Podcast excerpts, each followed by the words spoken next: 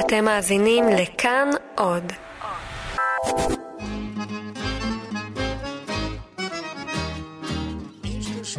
башковит, у него предвидение. Что мы видим, говорит, кроме телевидения. בוקר טוב, מאזינות ומאזיני רדיו כאן תרבות. אנחנו כאן ב-104.9 FM, מתכוננים ליום השקט ביותר בשנה. ערב יום כיפור. איתכם באולפן אני, לנה רוסובסקי, ואיתי באולפן שלושה משוררים ומתרגמים עבריים, סיון בסקין, ריטה קוגן וגרמן רייטרמן. שלום חברים. שלום. שלום. מה שלומכם? מצוין. הכל טוב? נהדר. הכל טוב. והיום אנחנו נשוחח על שקט, אך אה, לפני כן, אזהרה קטנה. יהודים מכובדים יהודים, אל תכינו חליפות ומדים. אל תלינו לחינם, כי שמעתם, לא תשבו במפקדות ובסנאטים. כי תשבו במכלאות ובגולאגים, ותלכו בלי שרוכים בנעליים. לא תאכלו חלת שבת עם כוס יין, תחטפו מהמנאייק במעיים. ותמכור שומן חזיר בטיילת, ותהיה ליהודי עם תועלת. הם ייתנו לך דיפלומה עם סמל, ויתלו לך דרגות על השטריימל. אבל גם אם תצטיין במקצוע, לא תגיע לענף הגבוה. לא תזכה למצעדים, לברדים, אז אל תכינו מדים, יהודים. זהו שירו של אלכסנדר גליץ', משורר יהודי סובייטי, שנכתב בשנת 1963 ותורגם על ידי אחת האורחות שלנו, סיון בסקין. וברקע שמענו את ולדימיר ויסוצקי שר את שירו מישקה שיפמן, שכתב בשנת 1972, על דמות דמיונית בשם מישקה, שמתכוון לעזוב את ברית המועצות לישראל. כמו שאתם בטח מבינים, היום אנחנו מדברים על משוררים. משוררים יהודים גדולים שהתגוררו ופעלו בברית המועצות בתקופות שונות. חלקם לא היו מחוברים ליהדותם, אך ביצירתם מחו נגד האנטישמיות הממסדית והבין-אישית. חלקם התקרבו לנצרות במהלך חייהם, וחלקם חיו את יהדותם וביטאו אותה בשיריהם וביצירתם. ננסה לברר היום על מה שתקו המשוררים היהודים הגדולים, איזו מין יהדות מתבטאת ומושתקת ביצירתם, וכיצד כל משורר יהודי פתר את החידה הגדולה של יהדותו בעולם הסובייטי. ולפני שאנחנו מתחילים, אני רוצה להפנות את השאלה הראשונה אליכם. לפני התוכנית ביקשתי מכל אחד uh, שיבחר משוררים מרכזיים שקרובים לליבו במיוחד. אז uh, חברים, במי בחרתם ולמה? סיון? אני בחרתי לדבר היום על אה, אוסיפ מנדלשטם ובוריס פסטרנק, אה, שניים מבין אה, משוררי תור הכסף הגדולים. Mm-hmm. עכשיו, כמובן, קצת מלאכותי מבחינתי לדבר בנפרד דווקא על המשוררים היהודים, כי בעיניי יש לדבר על תופעת תור הכסף אה, במלואה, אבל היום אנחנו נדבר על אותם נציגים יהודים של הזרם המופלא הזה בספרות הרוסית. ובחרתי בשניים האלה, קודם כל מכיוון שאני אה, אוהבת מאוד את אה, שירת תור הכסף באופן כללי, תרגמתי אותה לא מעט. אה, הם קרובים לליבי מאוד, גם mm-hmm. כמשוררים, גם ככותבי פרוזה. ואנחנו היום אה, נדבר פשוט על הספרות שלהם, וכמובן על הנקודה היהודית שכל אחד מהם פתר אותה אה, בשביל עצמו, גם בחיים וגם בספרות, באופן שונה ומרתק. כן, בדרכו של אור. ריטה, ובמי את בחרת? אני הלכתי על, דווקא על מישהי שהייתה סופרת, לא mm-hmm. משוררת, אבל היא בעצם, לסופרת הזאת יש לי קשר אישי מאוד מאוד עמוק.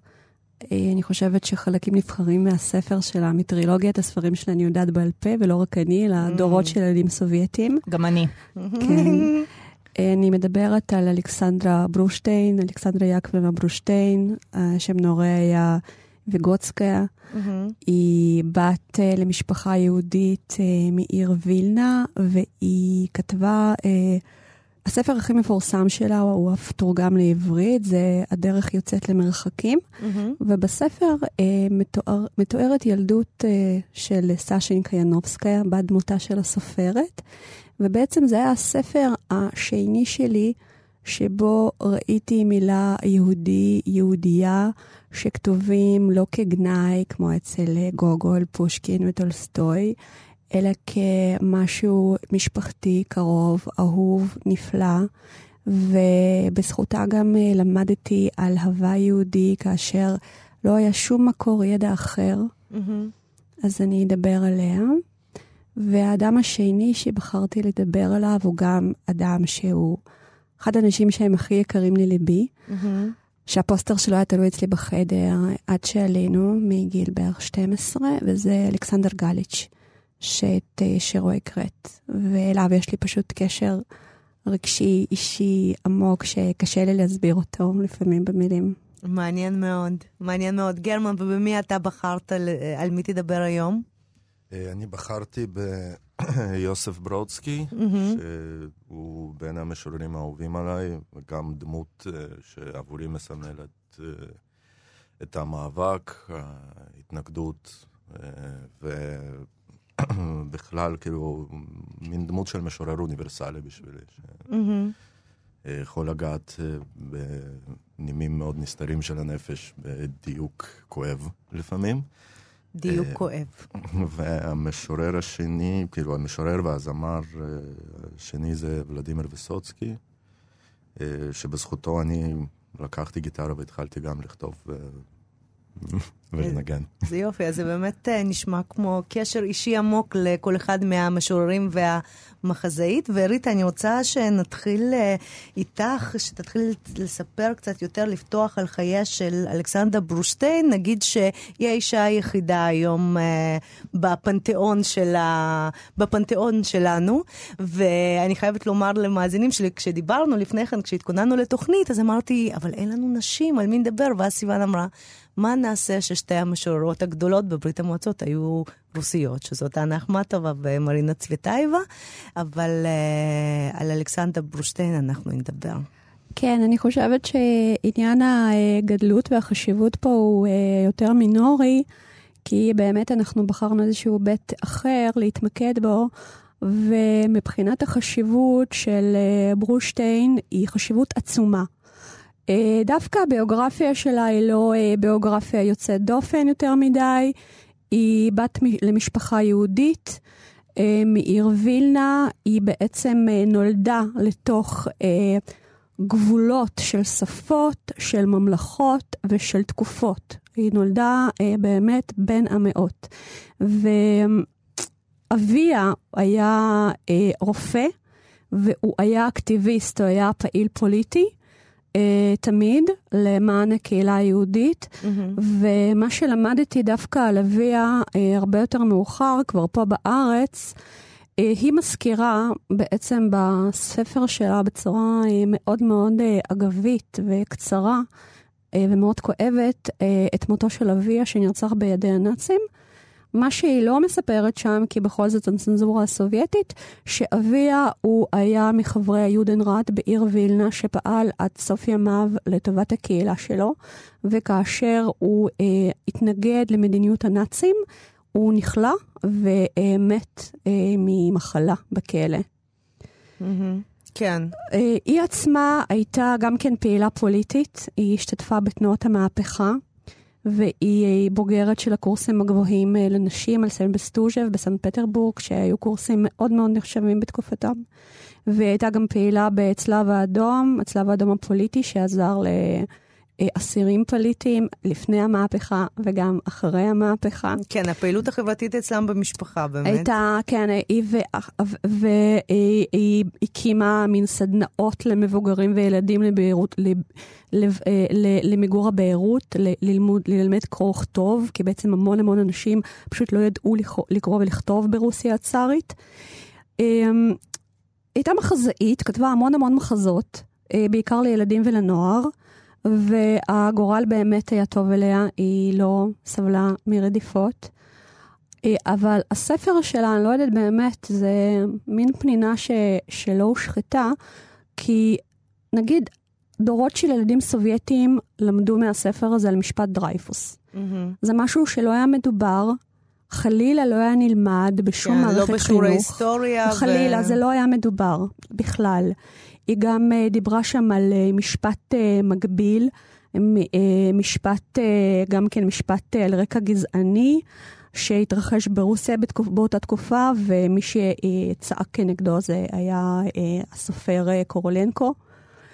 אמ, ופשוט היא סיפרה לנו את אה, חייה, את חיי אותה אה, סשנקה, mm-hmm.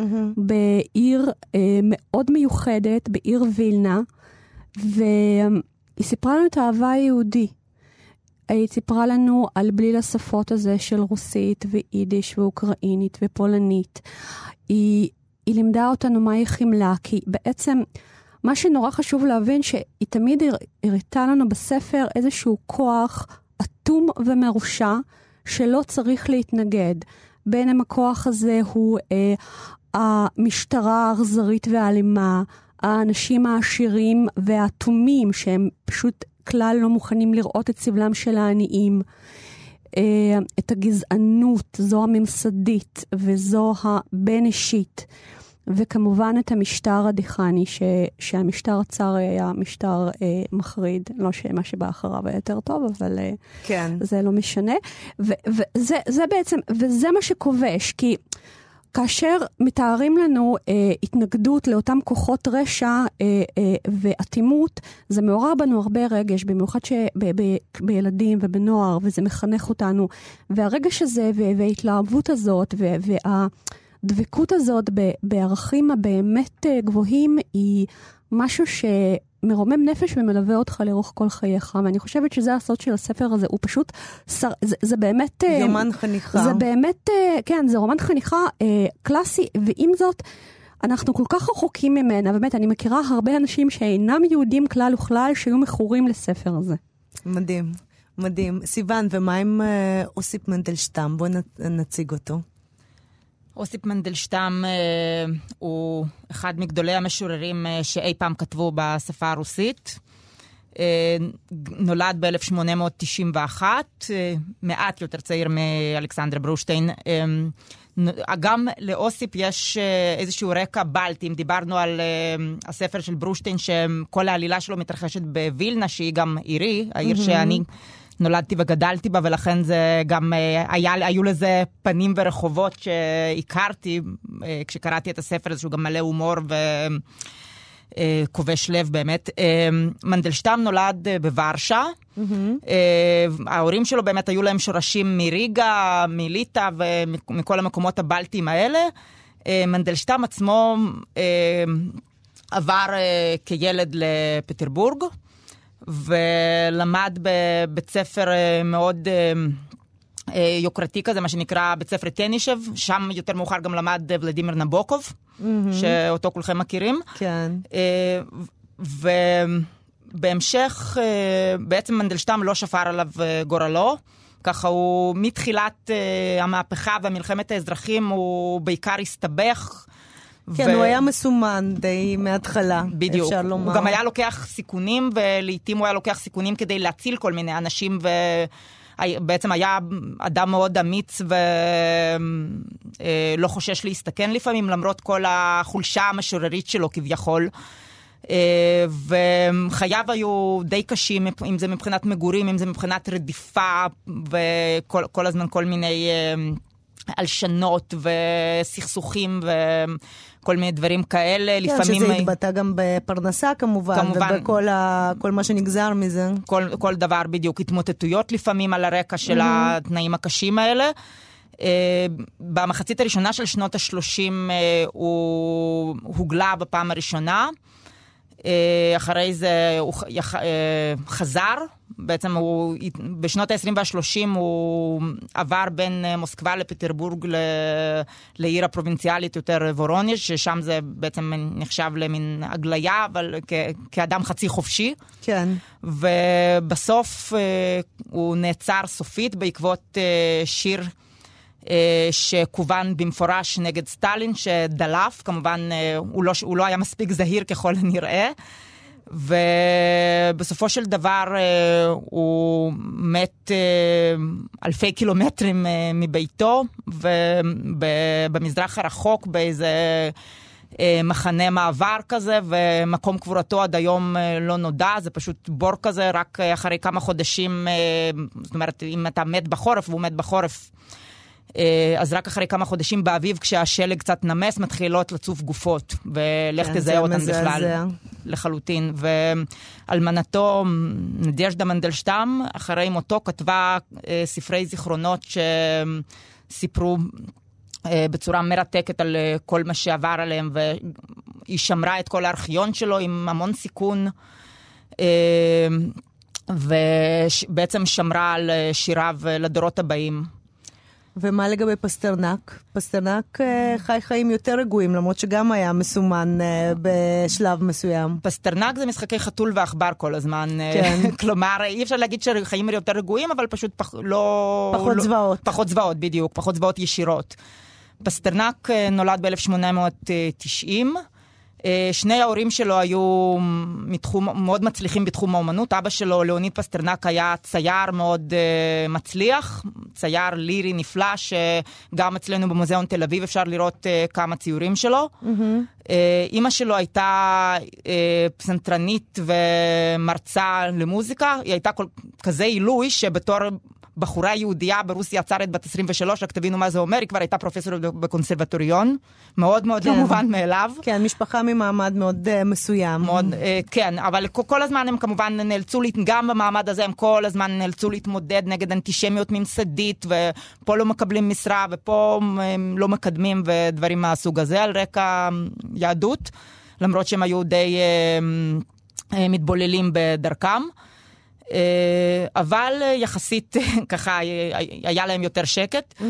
אה, ופסטרנק בעצם אה, הצליח איכשהו כל הזמן, גם, אה, כל, גם בתקופות מאוד מאוד קשות, אה, הצליח לשמור אה, מצד אחד על יושר ולעזור להמון אנשים שאנשים אחרים כבר לא העזו להגיד להם שלום ברחוב, אה, ומצד שני אה, לא להיפגע ישירות.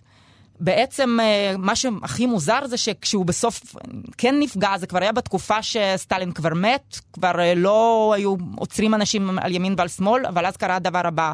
פסטרנק שהיה משורר ומתרגם אה, מאוד מאוד מפורסם כמובן, כתב את הרומן הגדול שלו, את האופוס מגנום שלו, דוקטור ז'יוואגו, כן. שכולכם מכירים. ולא הצליח לפרסם אותו בתוך ברית המועצות, אחרי שכתב את זה עשר שנים, ובסוף מסר את זה למערב, פרסם את זה בפלטרינלי באיטליה, עוד, אה, וכמובן במקביל גם באנגליה ובצרפת. ועצם העובדה של, לא התוכן כמו עצם הפרסום אה, אה, מחוץ לברית המועצות, פת, אה, עורר קמפיין אה, נגדו, בתקופה שכבר באמת הדבר הזה כבר לא היה כזה רגיל, נזרק מכל מקום, נשללה ממנו פרנסה, הוא זכה בפרס נובל בספרות. אה, ולא זכה ולא, לצאת. ובעצם הוא אולץ לוותר על הפרס, למרות שכמובן הוא עדיין אין זוכה אחר לפרס נובל אה, לספרות ב-1958, זה פסטרנק ואין בלתו. אה, אבל גם אחרי שהוא כביכול ויתר על הפרס, לא הניחו לו, ואחרי זה פשוט הוא, אה, תוך שנתיים הוא אה, דעך ונפטר, הוא לקח את זה מאוד מאוד קשה, את הרדיפה הזאת, ככה באמצע שכולם אה, כבר נהנים ממה שנקרא תקופת. ההפשרה. כן, בסוף חייו. זהו בוריס פסטרנק, ובואו נעבור לתקופה קצת יותר מאוחרת. גרמן, יוסף ברודסקי. אה, כן, יוסף ברודסקי אה, אה, נולד בסנט פטרסבורג, כאילו בלנינגרד דאז, ב-1940. ממש לפני תחילת מלחמת העולם השנייה. כן, ילדותו באמת נפלה על המצור על לנינגרד, ולאחר מכן גם על התקופה של העוני שאחרי המלחמה, ואביו היה צלם קרבי, ואימו הייתה רואת חשבון. אה, את, הש... אה, את השירים הראשונים הוא כבר כתב בגיל 17, כאילו בכלל הסגנון המוקדם שלו אפשר להגיד שהוא יותר, אה, היה יותר רומנטי, אה, יותר לירי ויותר רומנטי. אה, אה, ולאט לאט עם הזמן, כאילו זה כן הפך להיות יותר כזה אירוני וכאילו סגנון קצת מיוחד אחר. שלו. כן, כאילו באמת הפך להיות למה ש... שהוא מוכר. בהיותו בן 20, ב-1960 הייתה הופעתו הראשונה בערב הקראת שירה בלנינגרד, והשיר שהוא הקריא נקרא בית הקברות היהודי ליד לנינגרד, שהוא יצר מהומה מאוד גדולה באירוע הזה, שממש היו אנשים מאוד כאילו לא הבינו מאיפה זה הגיע. כן, איך יש בית קברות כן. יהודי ליד לנינגרד, באמת לא הבינו את הנקודה הזאת. ו... אה, וכאילו קצת אולי בזכות ה... כאילו שבזכות המהומה הזאת קצת התחילו כבר לדבר על- עליו וב-1961 הוא מכיר את, מכירים בינו לבין אנה אחמטובה. אה, שאחמטובה ישר מזהה פוטנציאל עצום. כן, ניצבתה לו עתיד. מזהיר וצדקה. הוא כן. היה חתן אה, פרס נובל. כן. אז הוא, זהו, הוא בשבילי כאילו באמת דמות כזאת שמאוד מעריץ, וגם אני זהיר להגיד, אבל אני מאוד מושפע ממנו ב... כן, נאמר שהוא גם שלו. לא חי גם את כל חייו בברית כן, המועצות, גם הייתה כאילו תקופה אחרי- שהוא נעצר על שוטטות, ו... כן, על שוטטות ובטלנות, מה שנקרא, ואז גם יש את המשפט המפורסם של אנה אחמטובה, תראו איזה ביוגרפיה עושים לג'ינג'י שלנו. כן, זה כשזה שעצרו אותו זה היה ברור של- שזה ייכנס לביוגרפיה. אה, כן, וגם כאילו כבר במעצר, כשהוא נעצר ב-1964, כאילו אה, היה ידוע שיש לו בעיות לב, אה, בין היתר אריתמיה ו- ועוד כמה, אז אה, הוא חוטף את ההתקף לב הראשון שלו כבר בגיל 24, בפברואר, ב- אה, בהיותו במעצר. ולאחר מכן, לאחר המשפט אה, וכל התהליך, הוא הוגלה לכפר שנקרא נורינסקי, שזה אזור ארכנגלסק, שזה צפון רוסיה. אה, שם הוא באמת, אה, כאילו נותנים, זה, המטרה באמת של ההגליה שלו הייתה כאילו סוג של לקרב אותו לעם ולגרום לו כאילו להשתפר ו... כן, להיות אזרח להיות סובייטי אזרח טוב סובייטי יותר. טוב יותר. כן, לא, להפסיק להיות בטלן בעצם. כן, ולהתקרב לעם ולהתקרב לאנשים. אה, וברודסקי עצמו אומר, כבר בדיעבד, הוא אמר שהתקופה הזאת באמת הייתה התקופה הכי טובה בשבילו מבחינת היצירה, כי כן היה לו את הזמן שלו ואת המקום שלו ואת השולחן הכתיבה שלו אחרי יום עבודה קשה. אבל הוא כן מעניין. היה חוזר למקום אה, שלו פרטי ולא לאיזה קומונלקה שזה כאילו דירה עם הרבה שותפים. הרבה שותפים. ו- כן, שיש שם, מעניין, מעניין. ריטה, מה עם אלכסנדר גליץ'? ספרי לנו עליו.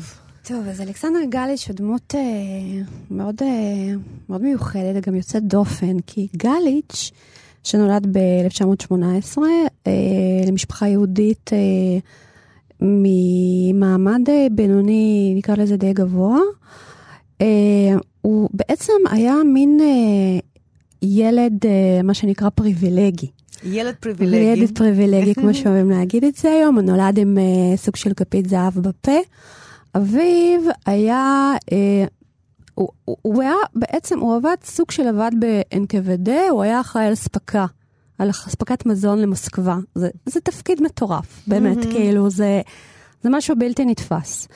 Uh, כשגלץ' היה uh, ילד, הם עברו למוסקבה, ושם uh, חיו, הוא שם חי... Uh, אה, כל חייו, עד שנאלץ לעזוב את ברית המועצות. אמ, הוא גדל במשפחה שהייתה משפחה גם ספרותית וגם מוזיקלית. אה, דודו היה חוקר ספרות, אחד החוקרים הידועים ביותר לפושקין. גליץ' בעצם הכיר כמעט את כל פושקין בעל פה, ואפילו שינה את, שם, את יום ההולדת שלו ליום הפתיחה של ליצאום, ששם פושקין, ברצינות. כן, הוא היה מטורף על פושקין. ו... מאוד סימבולי מצידו. כן, ו... כן, די למדי. ובנוסף לזה גם היה לו אה, קרובי משפחה שהשיגו לו כרטיסים למופעים בפילהרמונית. ה- הילד למד לנגן מגיל שלוש, הוא סיים אה, בית ספר מוזיקלי, הוא היה יפה תואר באופן יוצא מן הכלל, הוא היה פיונר מושבע, את השיר הראשון שלו הוא פרסם בפיאניירסקיה פראבדה, שזה אמת הצופים, בגיל מאוד צעיר. הוא היה, ב, ו, ואז הוא בעצם נורא התלבט מה הוא יעשה עם כל הכישרונות האלה. הוא כתב שירה והלחין שירה מגיל נורא צעיר, תמיד היה מנגן על גיטרה. ואז הוא רצה לי פעם, הוא, הוא ניסה להתקבל, הוא התקבל גם, הוא למד אצל סטניסלבסקי משחק, והוא למד גם במכון לספרות, והוא היה שחקן, אה, במלחמה לא גייסו אותו כי גילו לו מום מולד בלב, אה, בדומה ל, לברו, אה, לברודסקי. והוא היה נשוי לשתי נשים מאוד מאוד יפות, והיה מחזאי מצליח, הוא קודם כל היה איש תיאטרון. הוא כתב מחזות, ואז הוא גם כתב אה, תסריטים לקולנוע, איש קולנוע. ויחד עם זאת, הוא היה איש נרדף. וכמעט כל מחזה שכותב, והיה בו איזושהי חריגה מהאסתטיקה הסובייטית המאוד מאוד נוקשה, המחזה הזה נפסל. והמשבר הכי גדול הגיע כשהוא כתב את המחזה שנקרא דממת מלכים, שבדממת מלכים הוא בעצם מספר סיפור של משפחה יהודית בזמן, קצת לפני המלחמה, בזמן המלחמה וקצת אחרי המלחמה. והמחזה הזה איכשהו בהתחלה אושר, אה, מספר תיאטראות עבדו עליו, אה, כבר הגיעו למצב של חזרה גנרלית, ואחרי החזרה גנרלית המחזה בוטל. אה, הצנזורה לא אישרה אותו, וזה היה משבר מאוד מאוד קשה. נאמר שבעצם הוא מציג תמונה מאוד מאוד מעוותת של, של, של תפקיד היהודים, חיי יהודים במלחמה.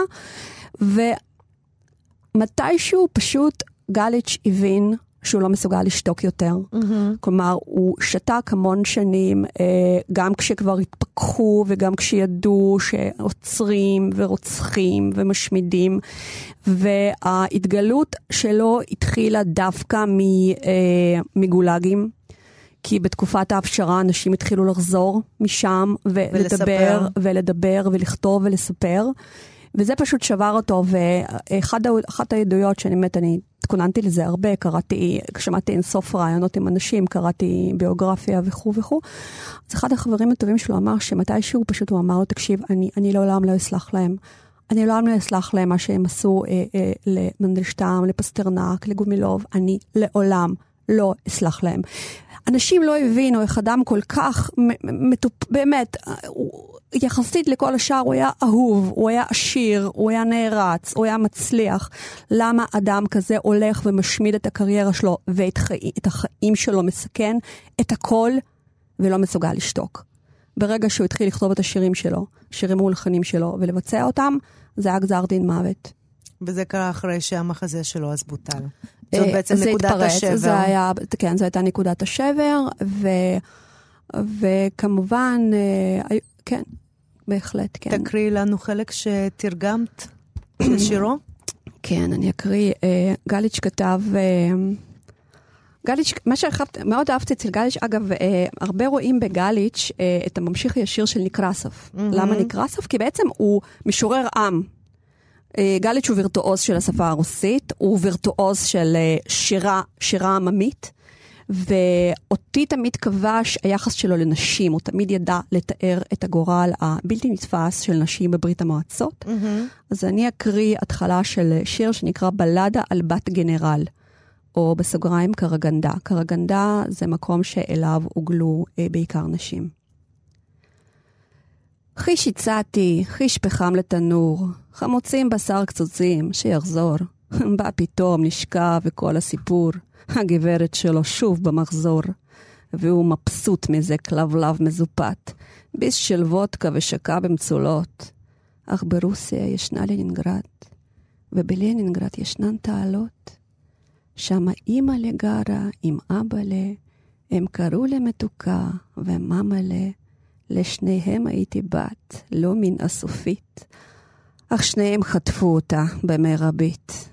אוח קרגנדה, את קרגנדה, מכניסה פחם לכל עבודה, מכניסה גם שניים, שלושה עשורים, וזה שחיים נשוי, אז אין פה אחרים. קרגנדה. והוא כלבלב מנהגים חופשיים, הוא גנב, איש כלימה, מתקמצן. הוא סוחר לו בשווקים, בכבישים, שם ברובל, שם חינם מזיין. יום אחד אותי הקפיץ למרקול, התנפל. באתי לצרוח, אבל על שמשה קדמית מולי, מצד שמאל, הוא הדביק תמונה אחת, הנבל. בתמונה כיכר גינה, עם פרחים וצל, ועליה אבן סלע עם פרש ברזל, ולפני שלושים שנה אני עם אמא בגינה. אבל די לי, שמא אל קינה. אוי, קרגנדה, את קרגנדה, את גם הם, גם הם חורגת, וכיצד נדע? אך איתי תמיד היית אמהית, כך שלעצמי אני כבר לא כדאית. קרה גנדה. וואו. ממש יפה, מאוד יפה ומאוד uh, חזק ככה. קשה לנשום תוך כדי ו- וגם אחרי. אני תמיד בכיתי בשיר, אני מודה, אני, יש לי יש שירים של גדית שאני מתחילה לדמוע מיד. כן, זה, זה בהחלט, uh, בהחלט אחד מהם. זה בהחלט אחד מהם. Uh, גרמן, אני רוצה לשאול אותך על וסוצקי, אנחנו שמענו אותו קצת ב- ב- בהתחלה. אה, וסוצקי לא התייחס באמת, אה, בואו נציג אותו קצת, למרות שדווקא אותו, אני חושבת, מכולם מכירים הכי הרבה בישראל, בין השאר בגלל אה, תרגום כן, וארכדי דוכין, אבל בואו נציג אותו קצת וגם נתייחס לנושא של היהדות בשירים שלו. כן, נראה לי בדומה לברודסקי, גם וסוצקי לא שהוא הכחיש, הוא פשוט לא ייחס לזה חשיבות. הוא כאילו לא התעסק ביהדותו. שלה, כן, לא ממש התעסק ביהדותו. אה, וגם, אבל בניגוד לברודסקי, שהמשפחה שלו כבר הייתה, כאילו המשפחה שלו הייתה חופשייה, נגיד את זה בגרשיים, ממנהגים יהודים, כבר אה, אה, במשך איזה שני דורות, כאילו שלא כן. לא ההורים שלו ולא סבא וסבתא, סבא וסבתות שלו לא שמרו על המסורת היהודית.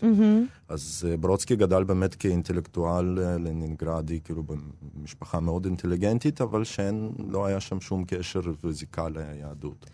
לעומת זאת, אצל וסוצקי דווקא סבא שלו, סבא וסבתא שלו מצד אביו, הם... היו יהודים שומרי מסורת, הם התחתנו עם חופה והכל, כאילו... כן, גם אומרים שהם דיברו יידיש בבית, וככה הוא נחשף ליידיש. דיברו יידיש בבית, והוא מאוד אהב אה, בתור ילד ובתור נער, כאילו, להיות, בביתם. להיות איתם. נגיד שבסוצקי היה יהודי מצד אה, האב. כן.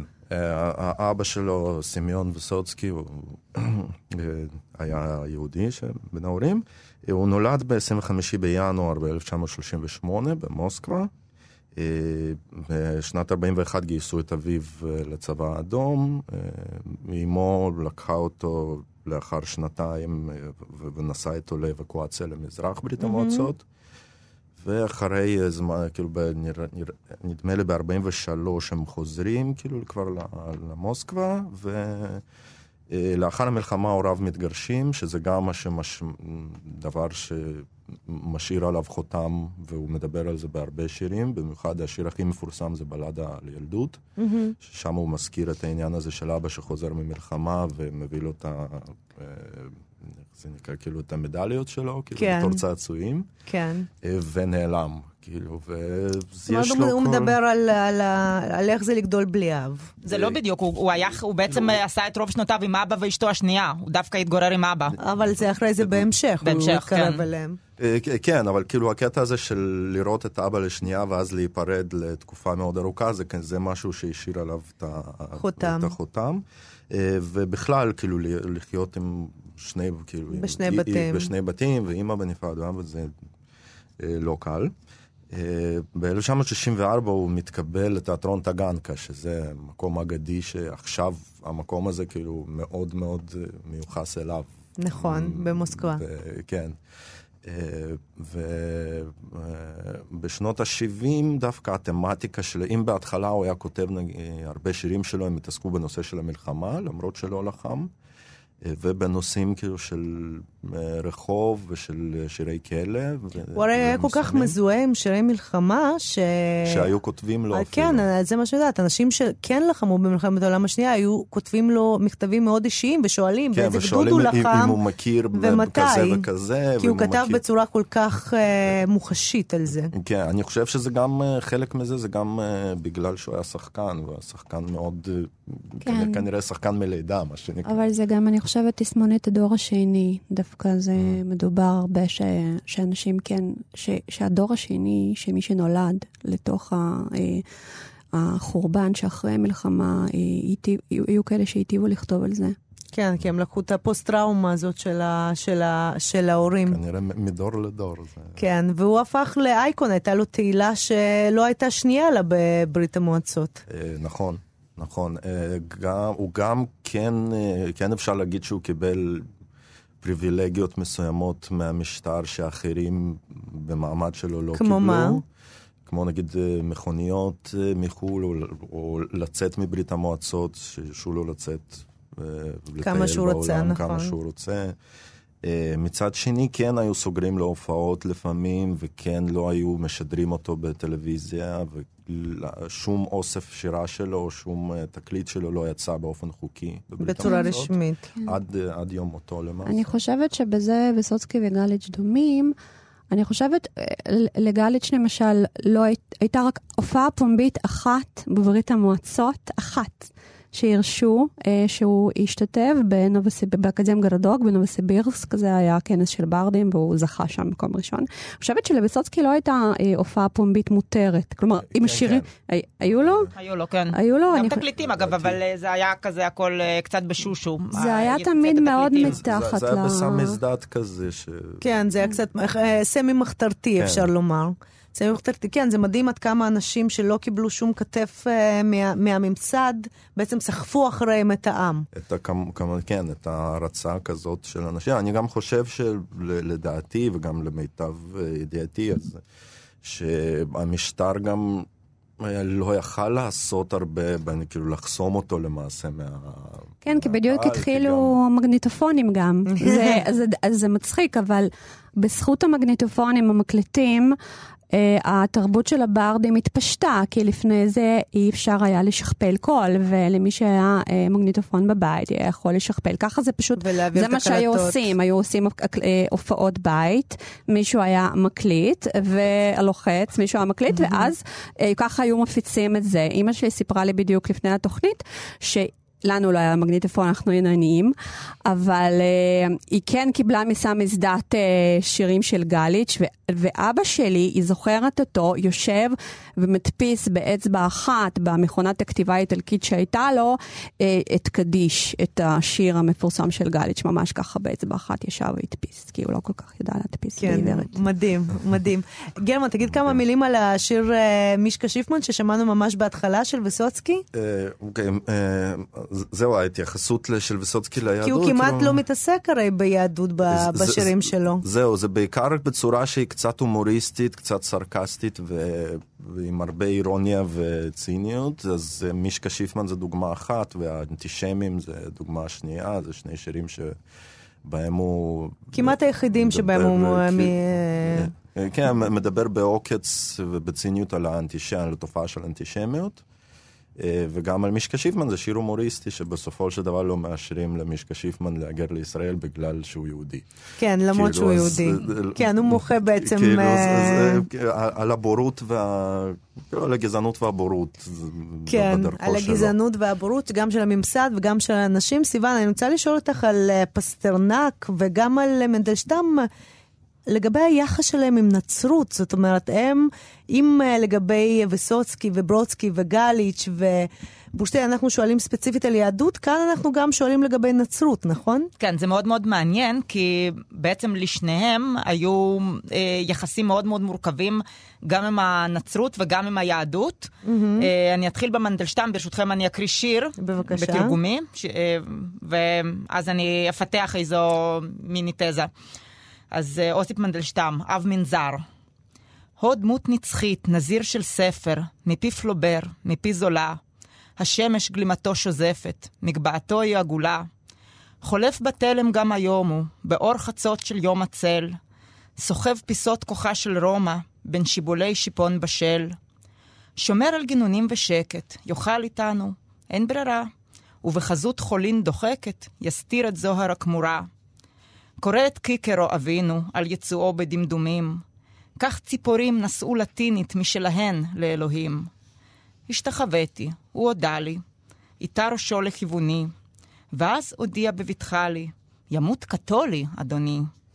כה חם, הלין, ואז בשבר צעד, מותש מהשיחה, לגן שסביב ארמון האבן, אליו הוזמן לארוחה. אז יש לנו פה משורר יהודי שפוגש באב מנזר קתולי, כנראה בצרפת, זה הכל ככה מפי פלובר, מפי זולה, זה הכל אה, כנראה קתוליות צרפתית כזאת, ופתאום האב מנזר הזה זורק לו, אתה תמות קתולי. למה?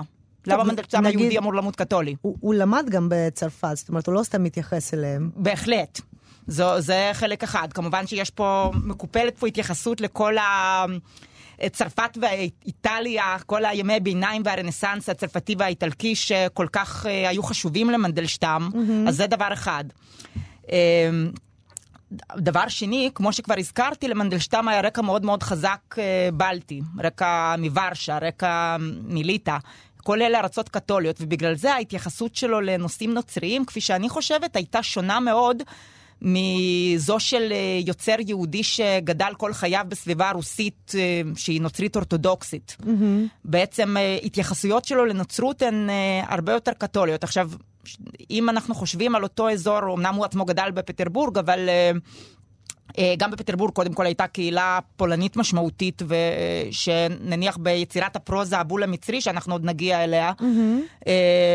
מיד אנחנו נזרקים קצת אה, מהרגע הראשון לאותה סביבה פולנית קתולית בתוך פטרבורג. עכשיו, למה זה חשוב? זה חשוב מפני שאותם אזורים קתוליים, גם בתוך רוסיה הצארית, אבל בוודאי בתוך ברית המועצות, ואת זה אני אומרת כמי שגדלה בליטא, שהיא האזור הקתולי היחיד כמעט בשטחה של אה, ברית המועצות כן, בזמנו. בדיוק. Mm-hmm. בעצם מה שמשנה פה זה שאנשים שחיים באזורים האלה, הם uh, קצת חשים עליהם uh, גם בתקופה הזאת של מיגור הנצרות, מיגור הדת בכלל, מיגור, ה... בעצם כשיש רק שלטון אחד והוא השלטון הקומוניסטי. הם חשו עליהם את מה שמנדלשטיין מכנה פה פיסות כוחה של רומא. כלומר, אם אתה קתולי נניח בליטא לצורך העניין, דוגמה שאני כן. מכירה היטב, אתה קצת, בעצם הכוח הזה שהוא בדרך כלל אנחנו חושבים על הכנסייה הקתולית כעל דבר מאוד מדכא, כן? לא פחות מכל uh, כוח מדכא אחר. אבל בנסיבות האלה זה הפך לדרך לש... להשתחרר. כן, מעניין. זה, כן, זה מין עקיפת סמכות, עקיפת סמכות כזאת. עקיפת סמכות עקיפת בדרך סמכ... מאוד עקיפה, יש מ- לומר. מאוד עקיפה, כן, זאת אומרת, כשנניח נבחר האפיפיור יוחנן פאולוס השני, אז uh, זה היה מבחינתנו, וואלה, שכן שלנו, אנחנו, זה, זה, זה שייך משלנו. אלינו. מישהו משלנו, שייך אלינו, כן. עכשיו, להיות יהודי בתוך הפריזמה הזאת, בתוך ההסתכלות הזאת, Uh, כשאתה כבר נמצא בתוך עולם סובייטי, והשיר הזה אגב נכתב עוד לפני המהפכה, כן, אבל זה אה, מחובר לאיזשהו עומק תרבותי מאוד גדול. בעצם מהסיבה הזאת ההסתכלות של מנדלשטם על כל מפגש הדתות הזה היא שונה מאוד מזו של המשוררים שגדלו בתנאים אה, אורתודוקסיים טהורים.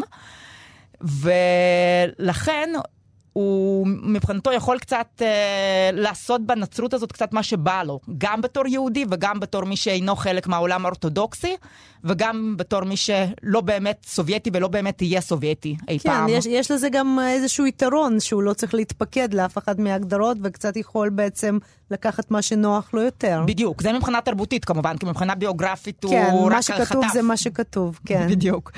אה, ולכן יש לו את העומק הזה. עכשיו, מנדלשטם, מצד שני, הוא מתייחס אה, ליהדות שלו בהזדמנויות רבות. זאת אומרת, הוא, הוא, מבחינתו, איך שאשתו מנסחת את זה בספרים שלה, הוא מרגיש כצאצא ישיר של אה, כל הדמויות התנכיות שמסתובבות במדבר, כן. בדיוק, אברהם, יצחק ויעקב וכולי. אה, ומבחינתו כל ימי הביניים של אנטישמיות וחיים תחת נצרות מהסוג העוין, מבחינתו זה נשכח, זה לא חשוב. כל העליבות השטטלית הזאת היא לא כל כך חשובה. הוא רק ראה את הגיבורים הגדולים, הארכיטיפים אפשר לומר. בדיוק, הוא מבחינתו מחובר הישר למקור. למקור. עכשיו, מצד שני, יש לו גם התייחסות מאוד uh, כזאת uh, מתבדלת uh, ליהדות, לאותה יהדות מהסוג היותר עלוב. יש לו למשל uh, יצירת פרוזה, סיפור, נובלה יותר נכון, בשם שעון הזמן, זה גם מתורגם לעברית, ששם יש ממש פרק שנקרא הכאוס היהודי. שזה בעצם, הוא מתאר שם עולם יהודי ישן ומדכא, שממנו כבר אבא שלו ברח. אבא שלו אגב ברח אה, באמצעות ספרות גרמנית בכלל. אה, אני אקריא לכם קטע קטן קטן קטן מיצירת פרוזה אחרת שאני תרגמתי בשם הבול המצרי, זה התפרסם בגיליון 13 של הו. אה, ושם יש עוד פעם התייחסות לדבר הזה, חיבור לכאוס היהודי כן, הזה. כן, בבקשה. כן. הזיכרון הוא נערה יהודייה חולה שבורחת בלילה בסתר מהוריה לתחנת הרכבת ניקולאייבסקי. אולי מישהו ייקח אותה הרחק משם. קשישון הביטוח, השקר רבינוביץ', מהרגע שנולד, דרש טפסים לפוליסות וסבון תוצרת חברת ראלה. הוא התגורר בשדרת נבסקי בדירת בתולות זערורית. הקשר הלא ממוסד שלו עם ליזוצ'קה כלשהי ריגש את כולם. הנריק יעקובלביץ' נעם, הייתה אומרת ליזוצ'קה כשהיא מצמידה אצבע לשפתיה ומסמיקה כולה. היא כמובן קיוותה, תקווה משוגעת, שהנריק יעקובלביץ' עוד יגדל קצת ויחיה עמה שנים רבות, שנישואיהם הוורודים וחשוכי הילדים שקודשו על ידי הארכיבישופים מבית הקפה של מאפיית פיליפוב הם רק ההתחלה. ואילו הנריק יעקובלביץ' התרוצץ במדרגות בקלילות של כלבלב בישון פריזה, ומכר ביטוחי חיים. בדירות של יהודים עמד שקט עצוב ומסופם. הוא מורכב משיחות של המטופטלת עם פירורי הכלה על מפת השעוונית ועם בתי כוס כסופים. יפה מאוד. כן, בהחלט עולם אחר מפגישה עם אב מנזר. עולם אחר לחלוטין. ופסטרנק הוא הרי גם מתקרב מאוד לנצרות אה, בתקופות היותר מאוחרות בחיים שלו. נכון, פסטרנק זה גם סיפור מאוד מורכב. אז אה, פסטרנק אה, גדל כן בסביבה רוסית אורתודוקסית, אבל ככה כל הזמן, אה, במשפחה, כמו שאמרתי, מתבוללת למדי. אבל כל הזמן, כל הזמן היו כאלה עקיצות אה, אנטישמיות. אה, פה אבא שלו לא קיבל משרה, שם פסטרנק הצעיר עצמו לא התקבל לגימנסיה, כי הייתה מכסה כמה יהודים אה, מותר כן. לקבל אה, בכלל לבית הספר אה, בכל שנה. והשנה כבר יש לנו שלושה יהודים, אי אפשר, תבוא עוד שנה. כן, גם המשפחה שלי, אני חייבת להגיד, בברית המועצות אה, הרגישה את זה על בשרה. בדיוק. אז אה, כמובן, אה, פסטרנק מאוד סבל מהביטויי האנטישמיות האלה. ומצד שני, הסיפור הנוצרי, סיפור הברית החדשה, מאוד אה, משך אותו פשוט כסיפור יוצ... אישי, אפשר לומר, אישי ויוצא דופן. אה, מה הכוונה כסיפור אישי? כסיפור אישי של אדם אחד שעובר כסיפור איזשהו. מסע... מסע צלב. לא מסע צלב, אבל מסע, מסע אל הצלב, אפשר לומר, כן, נכון יותר בשלב כן. הזה. וכמובן שזהו סיפור שעדיין, סיפור הברית החדשה עדיין מחובר אה, לאדמה שאנחנו נמצאים עליה עכשיו, כן? זה שפסטרנק לא ראה אותה אף פעם, אבל... אה, הוא די היטיב לדמיין אותה, אני חושבת, בשירים אה, שכתב, שהם נמצאים, מתרחשים ב... אה, כאן בארץ ישראל. אה, הגיבו, הדמויות של השירים האלה, אני מדברת על קורפוס מאוד מסוים של שירי אה, ישו, מרים המגדלית, ומרים אם י- אה, ישו, וכל הדמוי, כל מיני דמויות משנה מסביב. והוא מוצא מאחורי כל האנשים האלה פשוט אה, יהודים אה, שעברו אה, איזשהו מסע אישי קשה. זאת אומרת, הוא התייחס גם ליהדותם, הוא לא רק לקח את הדמויות, את הדמויות מברית החדשה ו... ודיבר עליהם. בהחלט. כלומר, אה, דמו... אלה דמויות בעצם שמצד אחד לומדות עוד שנייה לחולל מהפכה, לייסד דת חדשה. אה, מצד שני, עובר עליהם איזשהו מסע אישי מאוד קשה, מלא אחריות, אפשר לומר, מלא טראומה. חושבת שהוא הרגיש את, ה... את, את חייו דומים למשהו כזה? שמגיעים חושבת- מאותו מקור, והוא גם ראה את עצמו כעומד לחולל איזושהי מהפכה? באיזשהו אופן כן, אולי לא, לא יודעת אם לחולל מהפכה, אבל הוא, הוא בעצם הדמות הראשית ברומן הגדול שלו, אותו דוקטור ז'יוואגו שכולנו מכירים, אה, עובר גם כן מין נביא הדולורוזה כזאת, ומכיוון ש...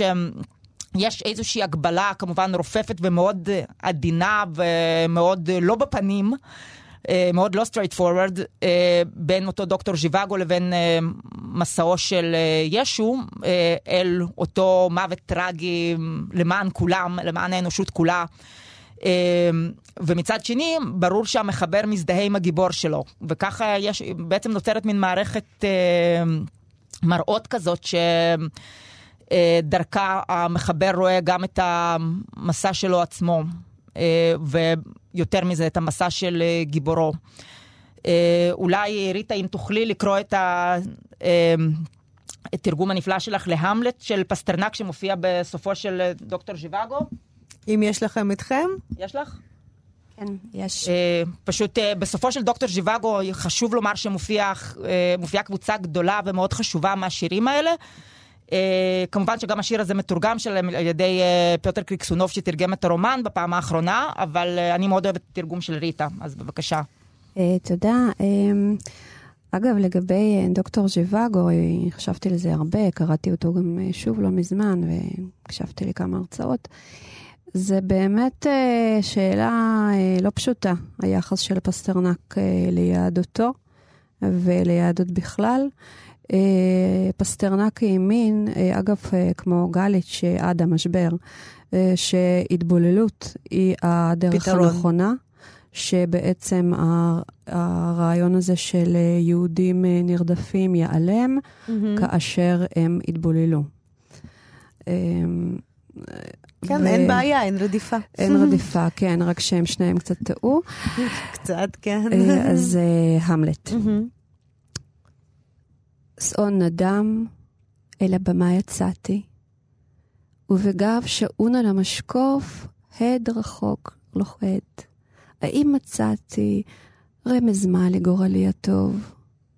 אפלה לילית בי עין לוטשת, אלף משקפות דמותי לנגוס. לאבי אשא תפילה נואשת, העבר נא מעלי הכוס. תכנונך, תכנונך עיקש, ועם זאת אבא, יש בו חן, מסכים לדמות גיבור. אך כעת כאן מתחוללת דרמה כה שונה, על כן אותי תפתור. אך סידור מערכות קבוע, סוף דרכי נגזר ונחרצות. לבדי, סביבי נחשול צבוע. לחיות, זה לא שדה לחצות. איזה יופי. אני אוסיף קצת, אה, בשיר הזה בעצם גם המלט, אותה דמות שקספירית, אה, בעצם נכנס לתוך אותו רצף אה, שבו גם הוא מדומה לסיפורו של ישו ולסיפורו של ג'יוואגו. עכשיו, בהמשך למה שריטה אמרה על ההתבוללות, בעצם פסטרנק מפצל את עצמו ואת יהדותו לשתי דמויות באיזשהו אופן. זאת אומרת, יש את הדמות הראשית ג'יוואגו שעליו דיברנו, ויש דמות משנה, חבר, החבר הכי טוב שלו. אה, מישה גורדון, שהוא יהודי, שהוא נשאר יהודי נשאר בגודל יהודי. מלא, יהודי שנשאר יהודי. ומישה הזה מאוד, לכל אורך הסיפור מאוד סובל מהיהדות שלו, כי אנטישמיות, כי רדיפות, הוא כל- הזמן חוטף הוק, הוא כל הזמן נהיה עד לתקריות אנטישמיות מזעזעות. והמחשבות אה, על אותה תועלת שבהתבוללות, אה, אולי אנחנו לא צריכים כל כך להתעקש להיות עם נפרד, אולי עדיף שנהיה כמו כולם, ניתנו בעצם בספר לאותו גורדון. ובזה בעצם פסטרנק משיג אפקט מעניין, שמכיוון שדמות אחרת אומרת את זה, אז... ה- הוא מרחיק את זה הוא- מעצמו בדיוק, בעצם בצורה הס- מסוימת. בדיוק, מכיוון שזה גם, אה, זה מין יחסי משיכה דחייה עם ה...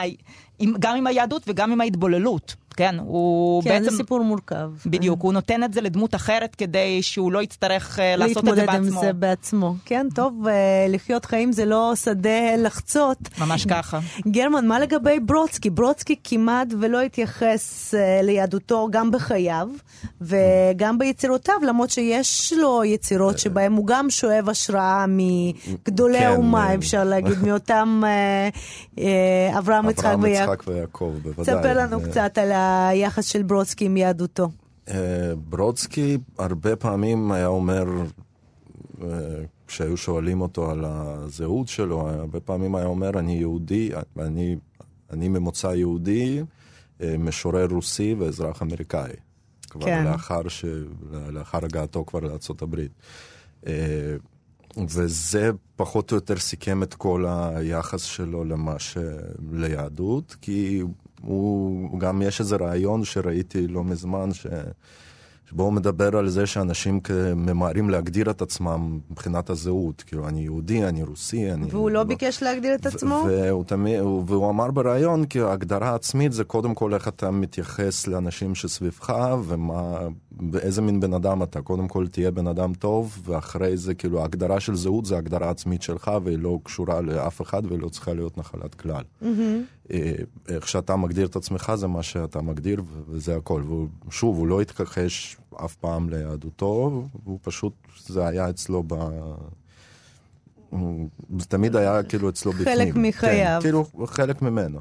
והוא התייחס, יש לו פואמה שהוא כתב בגיל 23 שנקראת יצחק ואברהם, אה, שהוא כתב שהיא מאוד מסורבלת, מאוד ארוכה. אה, אבל המשמעות, כאילו, אה, קראתי כמה פרשנויות אפשריות שלה, וכאילו יש גם פרשנות שהוא כן מדמה את המסע של, ה, של יצחק, הוא כאילו מתמקד מאוד ביצחק בפואמה הזאת, כן. ושהוא כן מדמה את המסע של יצחק למזבח, בדומה למסע של ישו, נגיד, ל...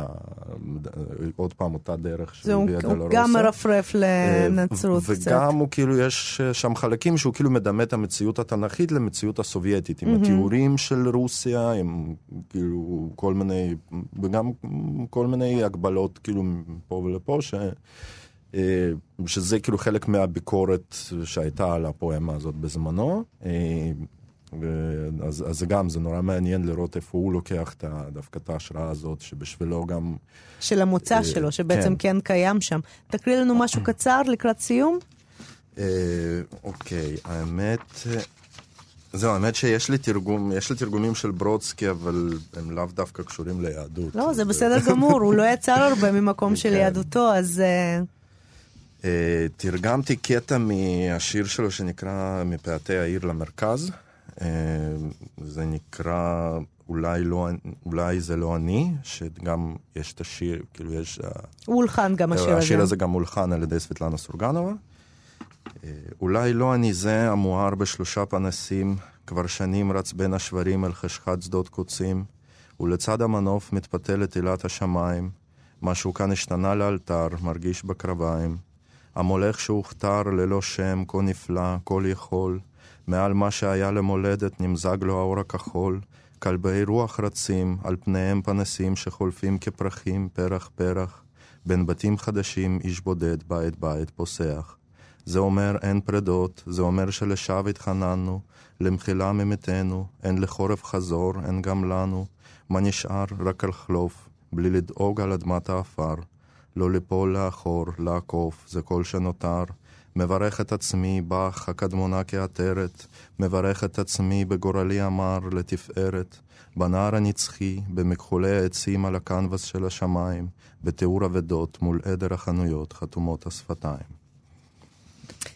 יפה מאוד, מברך את עצמי בגורלי הרע לתפארת, ואני רוצה לברך אתכם וגם את המאזינים. עכשיו אנחנו בחגי תשרי, בשנה טובה ובגורל טוב לתפארת. לתפארת. גורל טוב לתפארת. תודה רבה, סיון בסקין, ריטה קוגן, גרמן רייטרמן. אה, אנחנו היינו איתכם, מאזינות ומאזיני רדיו כאן תרבות. אה, אני אילנה רוסובסקי, זאת הייתה תוכנית על שקט. על שקט ביצירתם או צעקה ביצירתם של אה, משוררים יהודים בברית המועצות. תודה רבה לכם. ולסיום נקשיב לשירו של אה, יוסף ברודסקי שהולחן על ידי להקת רוק רוסית בשם ספלין, ושם היצירה הוא סופה של תקופה נפלאה. ואני מאחלת לכם צום קל, מנוחה טובה ותחילתה של תקופה נפלאה. כל טוב. Я один из глухих, облысевших, угрюмых послов Второсортной державы, связавшейся с этой Не желая насиловать собственный мозг Сам себе, подавая одежду, спускаюсь в киоск За вечерней газетой Ветер гонит листву старых лампочек тусклый накал. В этих грустных краях, чей эпиграф победа зеркал. При содействии луж порождает эффект изобилия. Даже воры крадут апельсин, амальгаму скребя. Впрочем, чувство, с которым глядишь на себя Это чувство забыл я В этих грустных краях все рассчитано на зиму сны.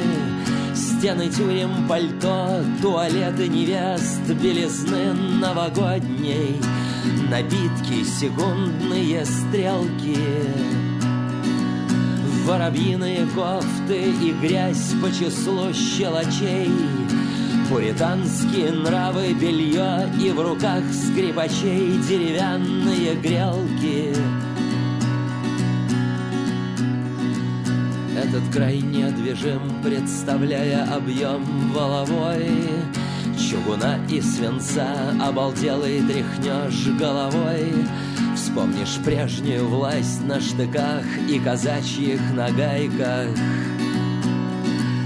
Но садятся орлы, как магнит на железную смесь. Даже стулья плетеные Держатся здесь на болтах и на гайках Жить в эпоху свершений, имея возвышенный нрав, к сожалению, трудно. Красавица платье задрав, видишь то, что искал, а не новые дивные дивы. И не то, чтобы здесь Лобачевского твердо блюдут, но раздвинутый мир должен где-то сужаться, и тут, тут конец перспективы.